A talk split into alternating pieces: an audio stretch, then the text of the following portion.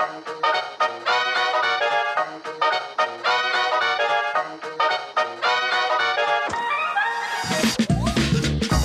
til Kulinarisk ølprat, podkastserien der du kan lære mer om øl og mat.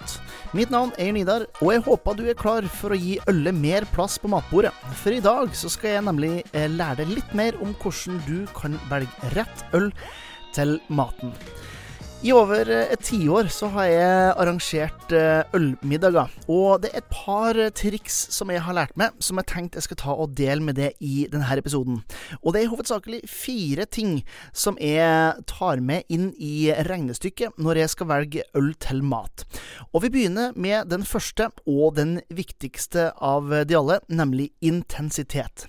Det er nemlig viktig å finne en øl som eh, matcher maten i forhold til intensitet, sånn at eh, maten ikke overdøver ølen, men at ølen heller ikke overdøver maten. Det er en eh, slags yin og yang der. Det betyr rett og slett at eh, hvis du f.eks.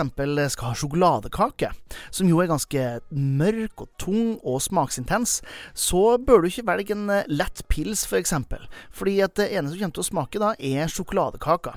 På samme måte som at du bør ikke velge en Imperial Stout, altså den tjukke, mørke, smaksintense ølen med en eh, lett og frisk eh, rekesmørbrød, f.eks. Det er rett og slett sånn at du vil ha en symbiose av de her to tingene sammen, sånn at ikke det ene blir for dominant i forhold til det andre. Mine altså forholdsvis enkle råd til det her er å velge lettere matretter til lettere øl, og tyngre matretter til mer smakstunge øl. Et par eh, gode eksempler som du kan teste ut, er f.eks. pils og bratwurst. Eller indisk eh, curry med en eh, god amerikansk West Coast IPA. Eller blåmuggost med barley wine. Så begynn alltid ditt valg av øl med å tenke er de her to tingene i samme intensitet når det kommer til smak, både maten og ølet. Det andre jeg tenker på, det er å finne smaker som kan komplementere hverandre. Dette er kanskje den enkleste måten å tenke smak på, nemlig å finne smaker som eh, ligner på hverandre, som komplementerer hverandre. Eh, og det er nesten som å Ja, man kan beskrive det som at man finner smaker som minner om hverandre. Det er Rett og slett for å eh, skape en ekstra dybde i smaksopplevelsen uten at det krasjer i det. Fordi at eh, Hvis jeg sier at noe smaker sjokolade, så kan jo det være mange forskjellige nivå av sjokolade, ikke sant?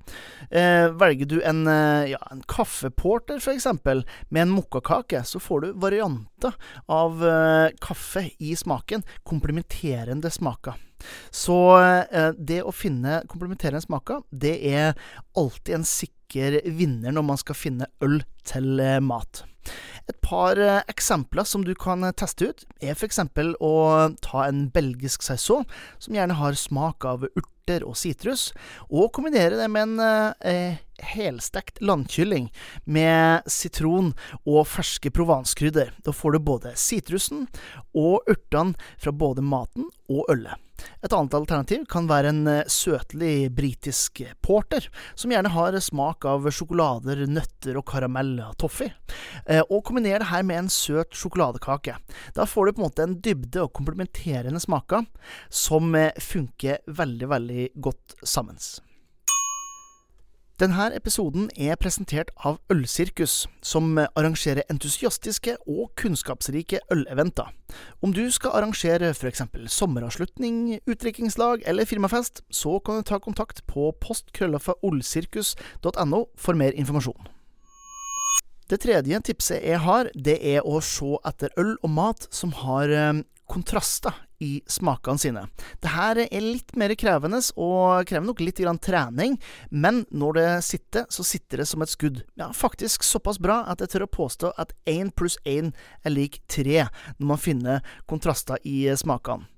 Eh, for å finne en god eh, ja, inspirasjon til det her, så kan man godt se til matens verden, og se hva som allerede kombineres av forskjellige smaker.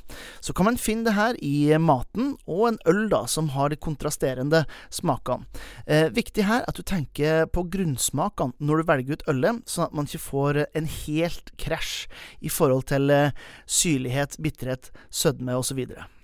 Eh, noen gode eksempler som du kan teste, er f.eks. den fruktige og sitrusdrevne belgiske ølen hvitt, og ta det med noen gode, salte østers. Helt eh, ypperlig. Eller du kan ta en litt søtlig kirsebærøl og kombinere det med en smaksintens sjokoladekake, og bare gjøre det klar for en ordentlig smakseksplosjon i kontrastene. Det fjerde og siste tipset til utvalgelse av øl til mat er rett og slett å finne øl som kutter maten. Og det her er kanskje litt mer eh, høytflyvende begrep, men det er rett og slett eh, det at ølets oppgave blir da mindre på å matche eller være kontrast til smakene, og mer om opplevelsen.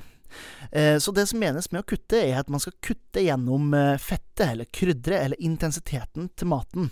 Eh, og da snakker man veldig ofte om leskende, eller syrlige, eller humlebitre øl. Og man bruker det på en helt annen måte enn hvis man finner f.eks. komplementerende smaker eller kontraster i smakene. Rett og slett for å ja, friske opp. Og noen gode eksempler som du kan teste hjemme, er jo f.eks. En, en god eh, hamburger med bacon og ost, sammen med en eh, leskende pale ale. Eller eh, litt sånn eh, smaksintens eh, nygrilla langtidskokt eh, spareribs sammen med en bitter West Coast IPA. Eh, så tror jeg at eh, ja, mye kan være gjort. Der har du også fire konkrete tips til hvordan du kan finne det perfekte øl til maten. Eh, begynne med å finne intensiteten på maten og ølen, og matche de to. Eh, så kan du gå på smaker som enten er komplementerende, som enten er kontraster, eller som kan fungere som en kuttende element i det smaksintense maten. Som oftest så er det en kombinasjon mellom én eller flere av de her som gjelder, eh, så det er ikke noe fasit. Fordel med å eksperimentere med øl og mat, er jo det at øl er jo ikke så dyrt, eh, så at man kan faktisk kjøpe kanskje til og med to eller tre forskjellige øl til samme matretten, og teste litt forskjellige, sånn at man vet hva som fungerer best. Det er nemlig en treningssak, det med å finne det absolutt korrekte ølet til eh, maten. Så det er bare å sette i gang eh, hjemmeleksa. Jeg håpa denne episoden var litt eh, inspirerende og forklarende eh, for deg.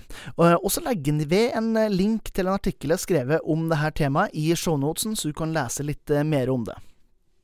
Husk å abonnere på podkasten, og tips gjerne en felles gourmand om podkastserien, sånn at vi får flere med på det her deilige øl- og mattoget. Så får du huske til neste gang at livet det er for kort for å drikke dårlig øl og spise kjedelig mat. Så la oss eh, nyte god drikke, god mat og godt selskap.